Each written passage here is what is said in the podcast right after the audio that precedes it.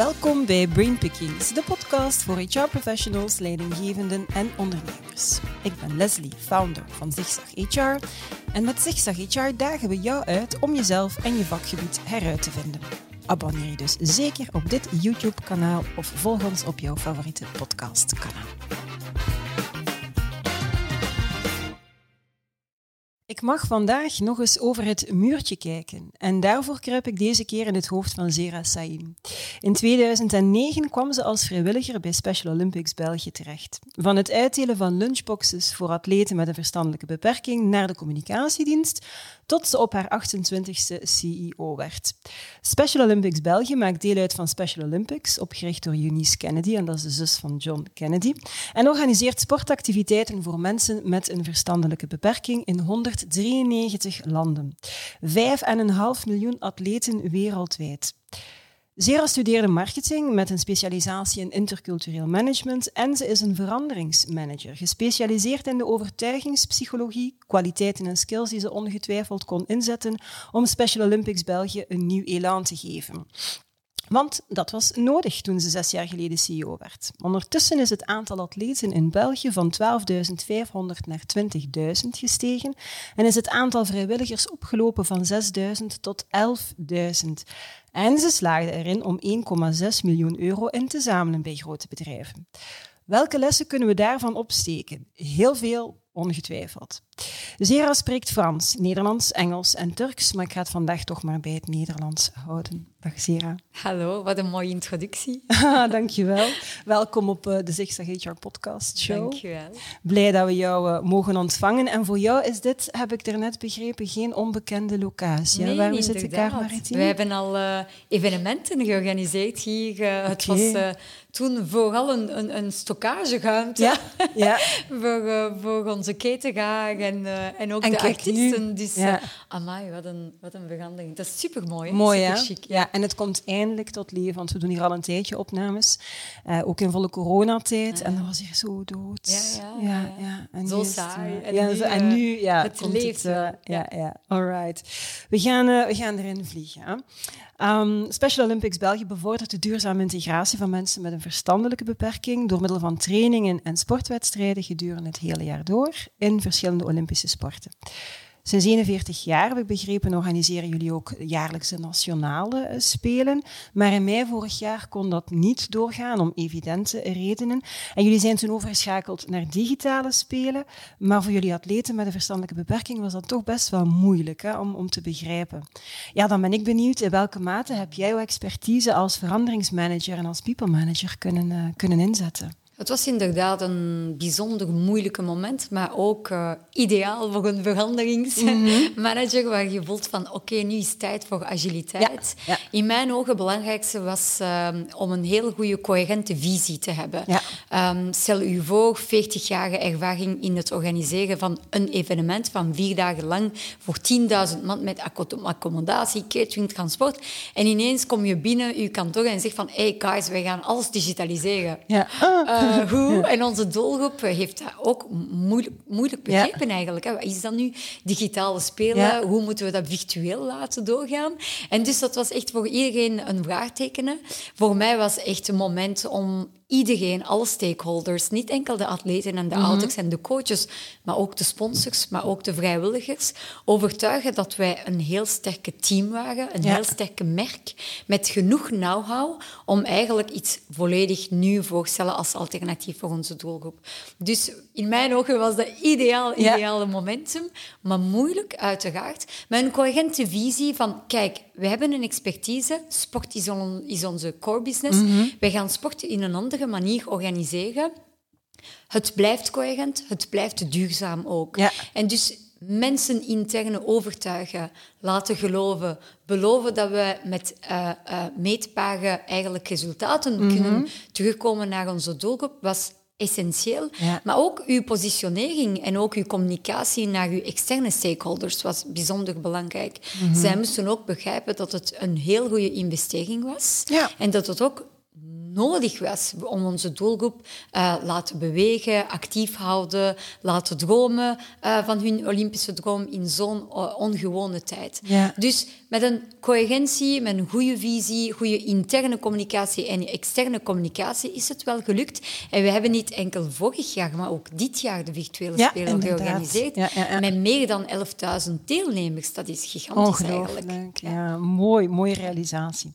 Ehm, ik had gelezen en dat in jouw ogen zeg je, is, is iedereen verantwoordelijk voor inclusie. En dat is niet alleen een zaak voor de Special Olympics. Jullie hebben daarvoor ingezet op de Play Unified activiteiten, waarbij personen zonder een verstandelijke beperking samen sporten met mensen met een verstandelijke beperking.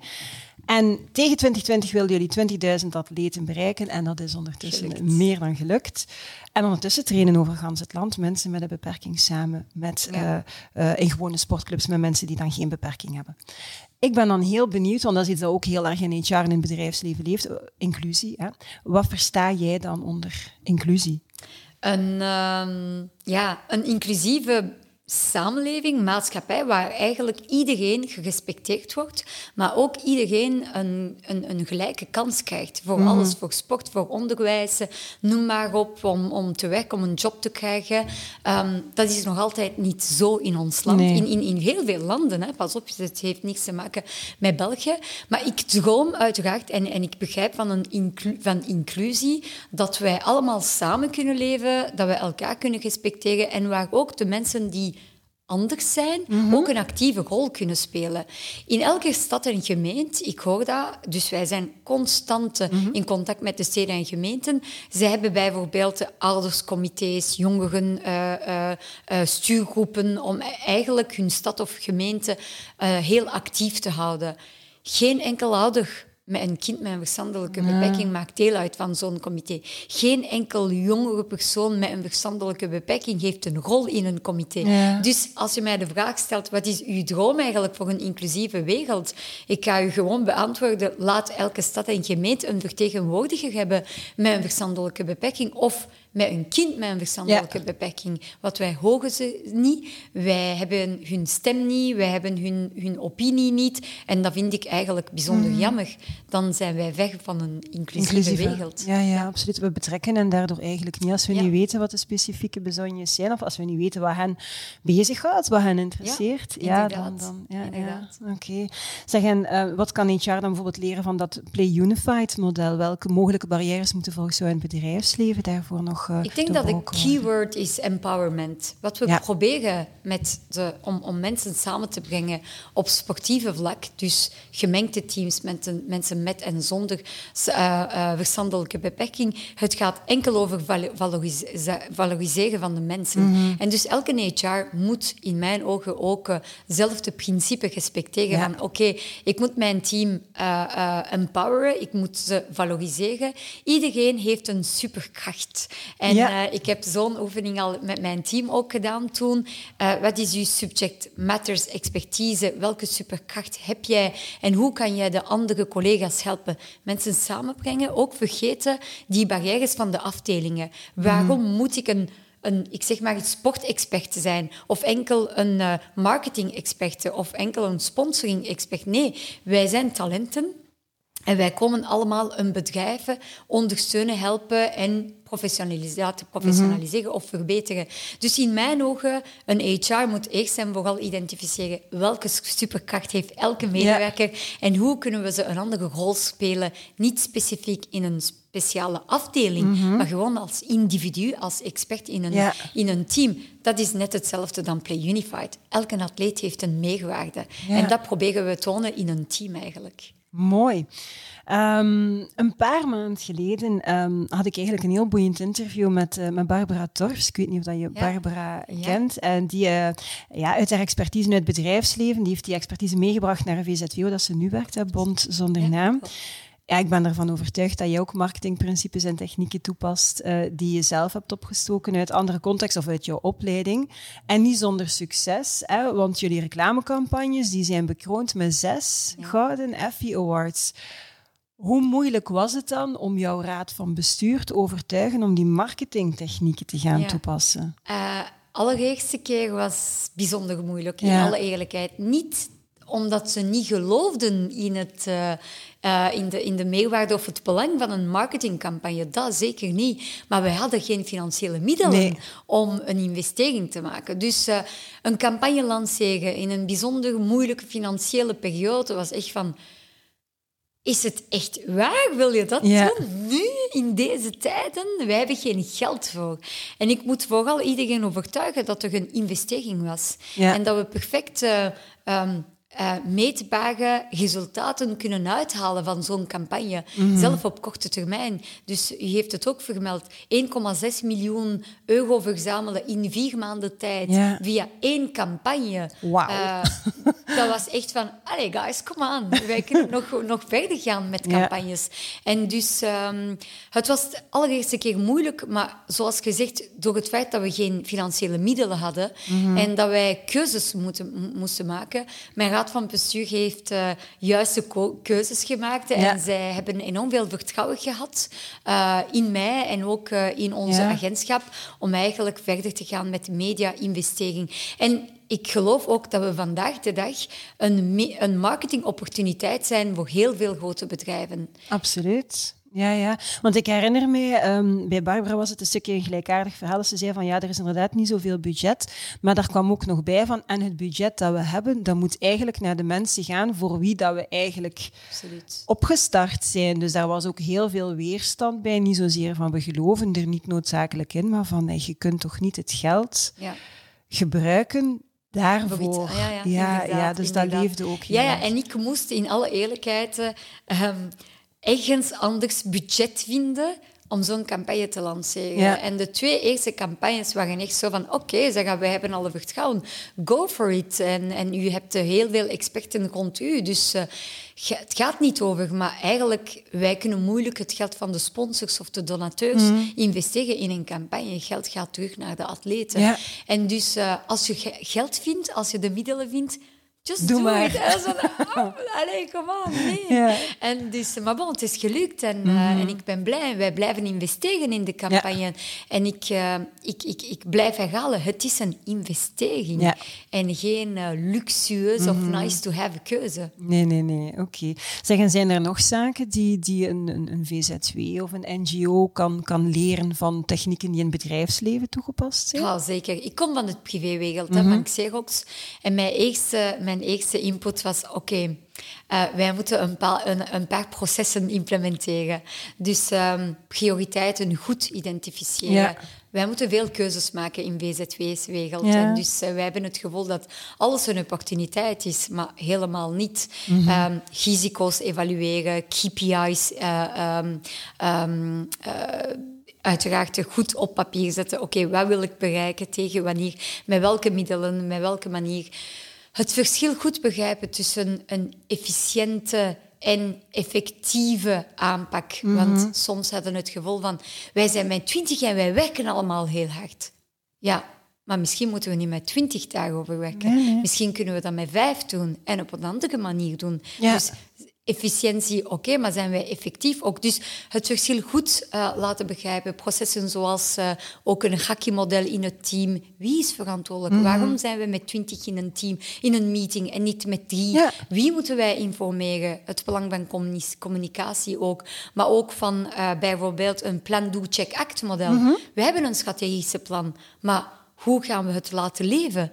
En dus wat zijn de processen om uiteraard constant, continu onze werkingsmodel te verbeteren, professionaliseren? Dus dit zijn de key elementen om ook... Uh, heel basis voor een grote bedrijf, maar wat is uw missie, visie en objectieven? Mhm. Dus zo'n soort dingen, af en toe jaarlijks terugkomen op uh, wat is de kern van onze problemen, waar staan de prioriteiten, waar staan de uitdagingen, um, uh, hebben wij de juiste aanpak, verliezen we geld... Waar staan de overheidkosten? Ja, ja. Dus het lijkt zo normaal voor een groot bedrijf, maar zeker niet voor een en een, en een NGO. Als je genoeg tijd investeert om zo'n zaken van het begin goed te implementeren, dan iedereen is tevreden, iedereen is blij. Uiteraard. Dus echt die, die professionalisering, Ja. die proces, Ja. de dingen eh, in, in vraag stellen. Ja. Maar inderdaad, ja, een stukje Kleine professionalisering. principes, ja. hè. het gaat niet over eh, urenlang eh, eh, eh, allee, iedereen samenbrengen in een, Mm. in, een, eh, in een grote meetingroom en uren, dagenlang met experten erover nadenken, maar gewoon kom back to basics. Waarom zijn wij hier? Wat willen we bereiken? Hoe gaan we ze bereiken? En hoe gaan we alles eh, eigenlijk afmeten? En Ja. dit zijn de belangrijke zaken. Ja. Zeg, en omgekeerd dan, wat kan een, een, een profitorganisatie dan leren van, van een VZW? Heel goede vraag eigenlijk. Eh, nog beter dan, dan de vorige. Ehm allee, ik ga misschien vooral over, over Special Olympics praten. Wij zijn enorm allee, focus gebleven. Dus niet vergeten dat de waarden, dat de, dat de maatschappelijke eh, eh, luik super belangrijk is om eigenlijk onze objectieven te bereiken. En ik heb soms het gevoel dat sommige bedrijven, zij benaderen de, de, de VZW's-wereld of de, de, de, eh, de, de, de NGO's met... ik wil dit bereiken en dit zijn mijn middelen en ik heb zoveel visibiliteit nodig. Nee, nee, nee. Ik durf heel vaak zeggen, wrong. Wrong attitude. Nee. We gaan het herbeginnen.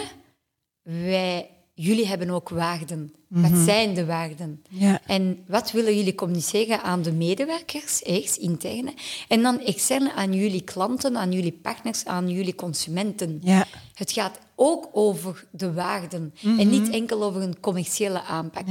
Dat kunnen ze perfect, denk ik, leren kennen van een VZW. En eh, tweede, altijd trots blijven van Ja. wat we ondersteunen, wat we bieden.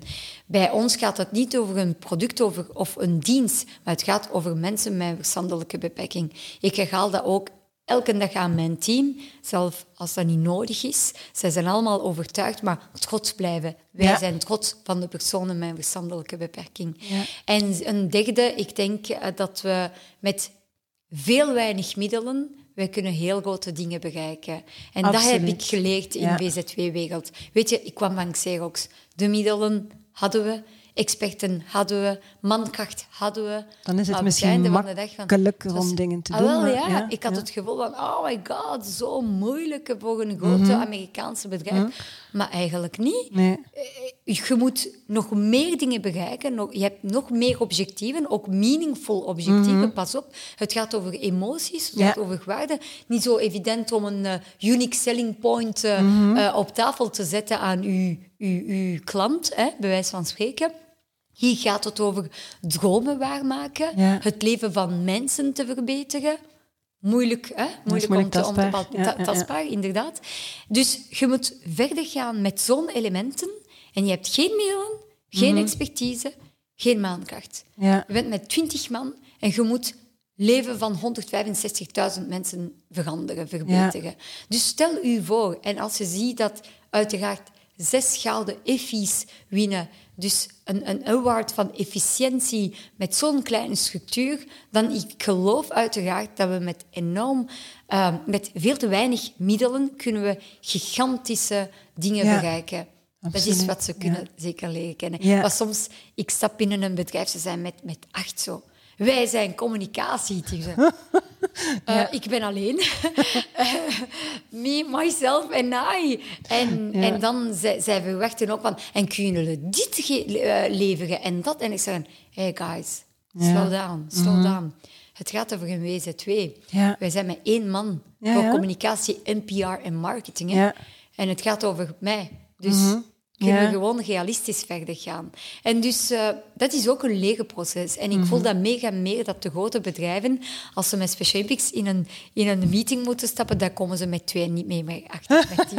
Oké, en eh, ze en al ze geleerd, geloven ook dat we perfecte, perfecte objectieven kunnen bereiken samen. Maar vooral over de waarden dat Ja. we willen graag communiceren.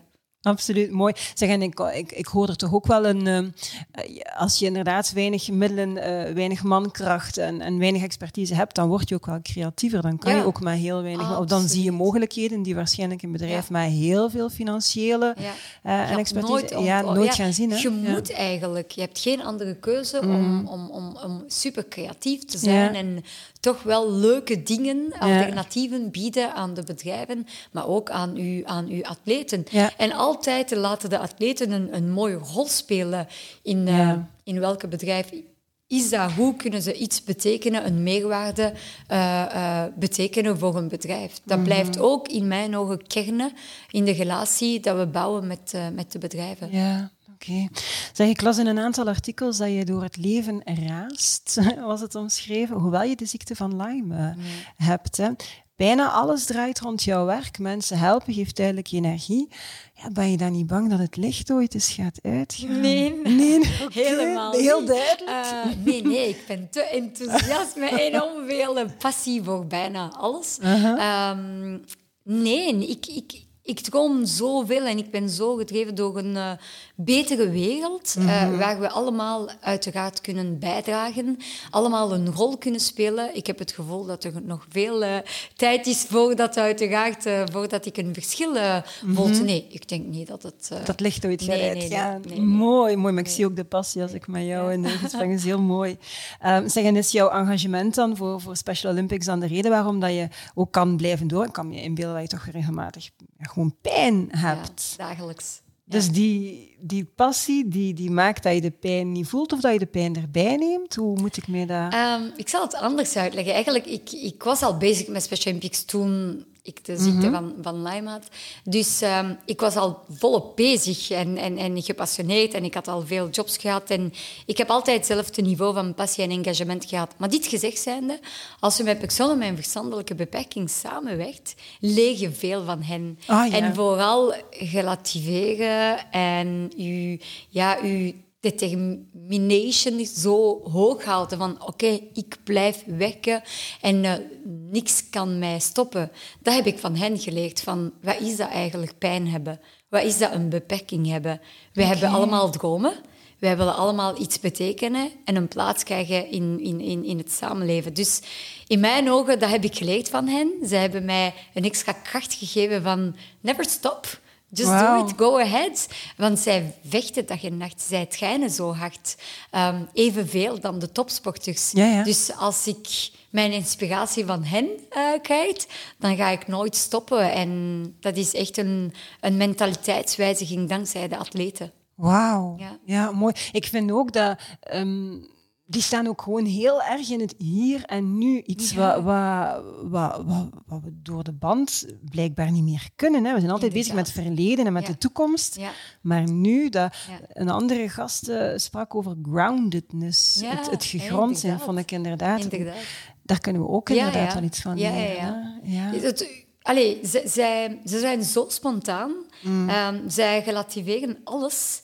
En, en je kunt moeilijk anders doen. Hè? Ja. Na zoveel jaren met hen en hun ouders... Uh, ik heb echt het gevoel van, ik kan echt niet klachten eigenlijk. Mm -hmm. ik, ik, ben zo goed en ik voel me zo gelukkig om met hen samen te werken, voor hen samen mm -hmm. te werken, dat eigenlijk ik ga werkelijk uh, ook dag en nacht zoals hen. Zeggen, um, het uh, maatschappelijk engagement dan voor, voor werknemers in het algemeen, denk je, is, is dat belangrijk voor werknemers als ze in een bedrijf werken? Um, ja, bij jullie zal dat ongetwijfeld zo zijn, ja. maar heb je het gevoel dat dat ook speelt bij eender welke werknemer? Ja, enorm veel. Ja? Um, wij werken samen met uh, een honderdtal bedrijven. Een veertigtal zijn echt trouwe partners, grote bedrijven. En ik kan u moeilijk uitleggen hoe belangrijk is dat om een sociale impact te creëren mm-hmm. voor de medewerkers. Het gaat ook over een soort van evenwicht tussen commerciële, zakelijke mm-hmm. luik van een bedrijf en maatschappelijke, menselijke luik. En die evenwicht, als dat niet meer bestaat... Ik hoor, en wij praten met enorm veel medewerkers die zeggen van... Allee, ik ben, bij, ik ben blij dat mijn uh, management uh, mm-hmm. met zo'n project bij ons komt nu. Ja. En dat ze ons tijd geven, laten vrij, tijd vrijmaken om iets te betekenen voor de, voor, voor, ja, voor de mensen die, die onze steun nodig hebben. Mm-hmm. En het is echt een realiteit. Ja. Het gaat niet meer over een uh, luxueuze keuze. De, de Mhm. CEO's zijn ook bewust ervan. Uh, en de HR-managers ook, denk ik, meer dan ooit. Mhm. Uh, die evenwicht tussen zakelijke, commerciële en menselijke, maatschappelijke is van grote belang. Ja, oké. Okay. Zeg, en is dat dan iets dat je in elke organisatie kan waarmaken? Want er zijn, ik kan me inbeelden dat er een aantal bedrijven zijn waar, waar dat het misschien minder evident is om, om te linken aan een maatschappelijke bijdrage of om een maatschappelijke bijdrage te leveren. Is dat volgens jou in elk bedrijf? Volgens mij in elke bedrijf. Wij, natuurlijk, uh, wij hebben een gigantische ervaring met corporate social responsibility. Mhm. Wij zijn echt vrij goed daarin. Um, wij hebben, zoals uh, in uw introductie vermeld, 11.000 vrijwilligers. 65% van de vrijwilligers komen via corporate wereld. Dus het zijn de medewerkers van de bedrijven, van kleine KMO tot en met een grote bedrijf. En dus heel vaak horen wij van de bedrijven oei, wij weten nog niet hoe de medewerkers gaan reageren om samen te komen of een, een persoon met een beperking ofwel begeleiding van een persoon met een beperking op een sportevenement. Natuurlijk, zij kennen het problematiek, mm problematiek niet, onze doelgroep niet, dus natuurlijk, zij hebben een beetje schikt um, van, van, van zo'n ervaring. Wij zeggen altijd, laat ons met jullie medewerkers communiceren. Ja. Er is een groot verschil tussen een CEO die op het podium komt, heel trots op zijn speech en zegt van oké, wij gaan nu Special Olympics ondersteunen, of noem maar op, een, een, een sociale organisatie. Het klinkt niet goed. Mhm. Het lijkt als, uh, ah, dit is nog eens een commerciële communicatie of speech. Wij zeggen altijd, laat ons communiceren. Wij gaan het woord nemen en wij gaan het vertellen. Kijk, uw management gelooft in onze organisatie. Maar weet je wat? Wie gaat het verschil maken? Het zijn u, de medewerkers. Ze zijn bereid om één dag jullie tijd vrijmaken voor ons. Mhm. Maar wie zou gaan komen? En dan we laten een atleet het woord nemen en het atleet vertelt, kijk, ik uh, ga een, uh, mijn, mijn uh, uh, competitie hebben op die dag in die sport. Komen jullie mij helpen? Wij zijn met 500 atleten mm -hmm. met een verstandelijke beperking en wij zijn op zoek naar 200 uh, vrijwilligers. En jullie kunnen dat perfect doen. Dat is een totaal andere aanpak. En ik kan u zeggen, van een IT-bedrijf tot een uh, uh, farmaceutica bedrijf, bij elke bedrijf het lukt. We hebben een positieve reactie van de mensen. Heel trouw zijn ze en ze blijven komen. En na jaar twee of jaar drie, zij komen met een familiedag. Uh, met, dus van, met hun familieleden, hun kinderen, ja. om Special Olympics on, te ondersteunen.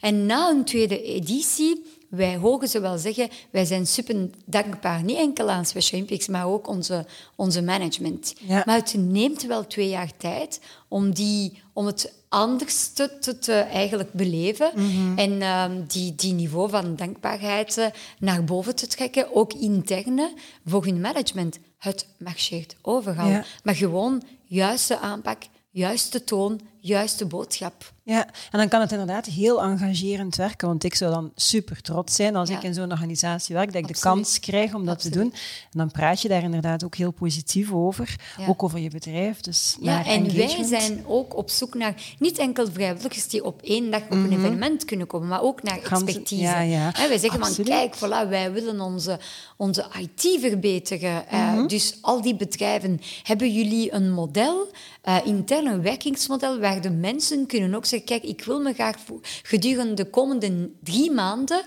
volledig concentreren op Special Olympics. En de bedrijven doen dat zeggen van, kijk, maar natuurlijk, wij zijn ook heel trots op uh, onze, onze, onze steun, dan onze ondersteuning. Mm -hmm. Om te kunnen zeggen, kijk, mijn CFO gaat voor Special Olympics werken, want zij gaan een tweede VZ2 oprichten, uh, die 100% uh, ik zeg maar eens BTW-plichtig is. Of ten andere zegt van, ha, ze hebben geen IT'er, ze hebben de middelen niet, maar wij gaan een, een, een head of IT vrijmaken. Maar het is super, super interessant voor beide kanten.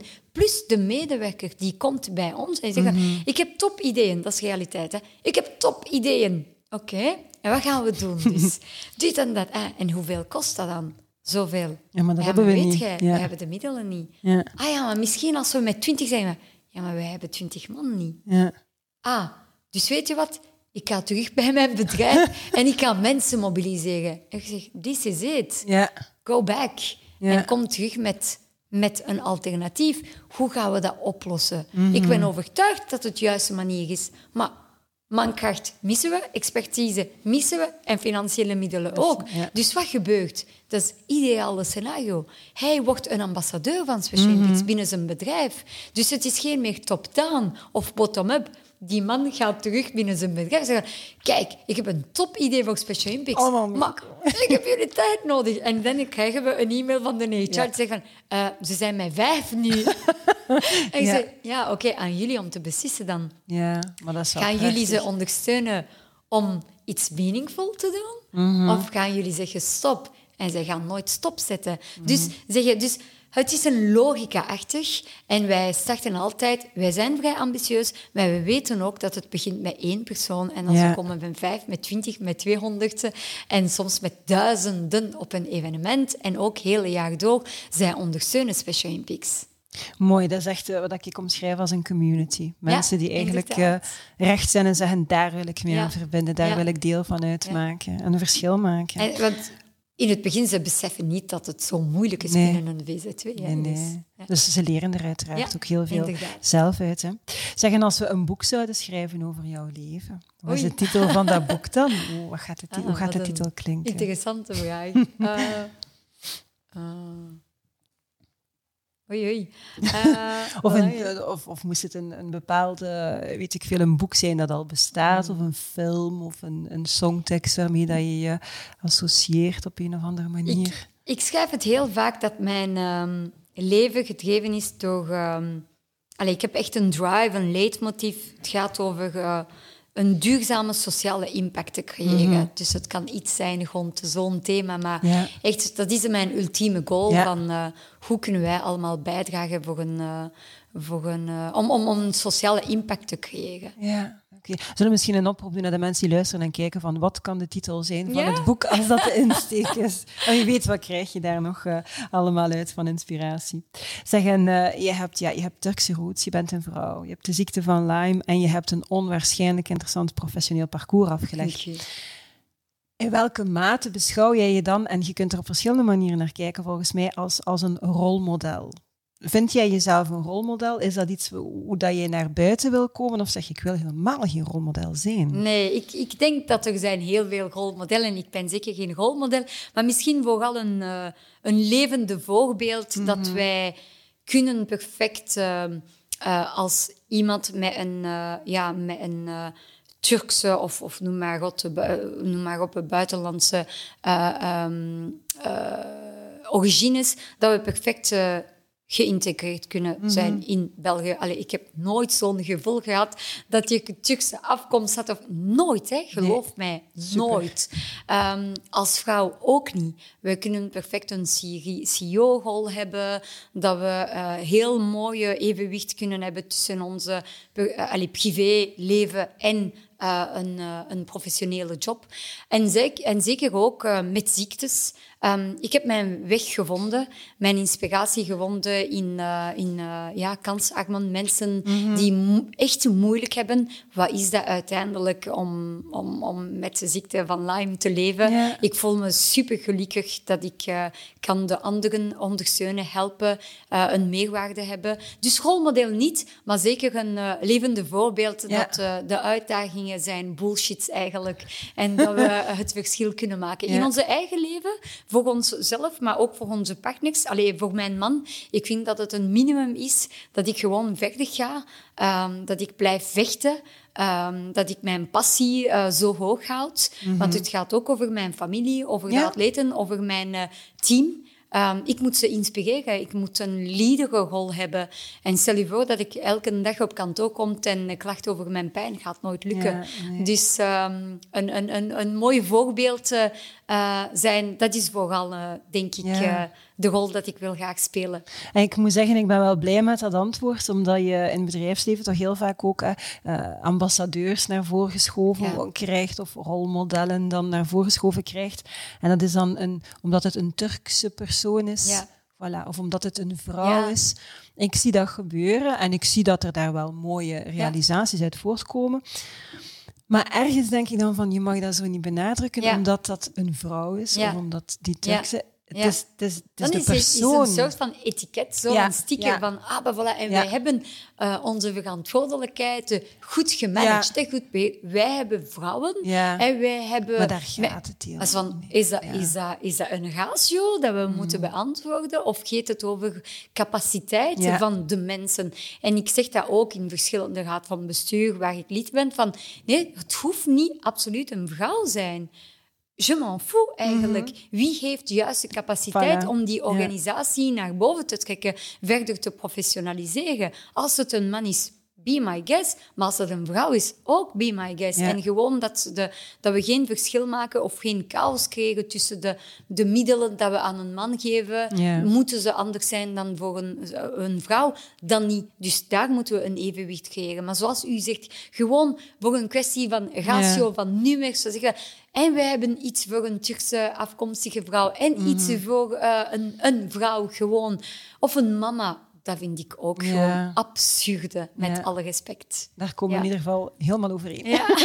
Goed. Zeg, om, om af te sluiten, welke ultieme boodschap zou jij aan HR-professionals die luisteren of kijken nog willen meegeven? Ehm, dat ze een belangrijke rol spelen eh, in het professionaliseren van een bedrijf. Want als HR, ze kunnen het verschil maken met eh, juiste aandacht, aandacht geven aan elke medewerker. Ja. Dus die oefening hebben wij gedaan binnen Special Olympics en dan in andere organisaties. Iedereen, ik heb het al gezegd, iedereen heeft een superkracht. Iedereen heeft een expertisezone. En wat is dat? Hoe kunnen wij die empowerment laten leven in een team? Zodanig iedereen kan ook de anderen helpen, Ja. buiten de barrières, buiten die afdelingen, departementen, mentaliteiten stappen. En dus eh, een cohesie creëren tussen de mensen. Dat is de rol van een HR. Een CEO heeft veel Ja. te weinig tijd om dit te kunnen doen. Een CEO moet, denk ik, in zijn visie de juiste eh allee, toon hebben, eh, coherentie tonen. Maar de HR kan effectief eh, operationeel het verschil maken. Ja, Oké, dat gaan ze heel graag eh, horen. Dank je wel dat ik in jouw hoofd mocht je. kruipen. Heel boeiend, merci. Dank je. Dank je wel ook eh, aan jullie om te kijken of om te luisteren. Het is alweer gedaan, helaas. Smaakt deze podcast naar meer? Abonneer je dan zeker op ons kanaal op YouTube, Spotify, Apple Podcast of eh, Google Podcast. Je mag eh, kiezen. Je kan ons ook volgen op LinkedIn. Je kan je registreren voor de nieuwsbrief. Maar de allercoolste HR-professionals zijn natuurlijk al lang geabonneerd op ons fantastische tijdschrift. Allerbelangrijkste, weten jullie al, it's a great time to be in HR. Tot de volgende.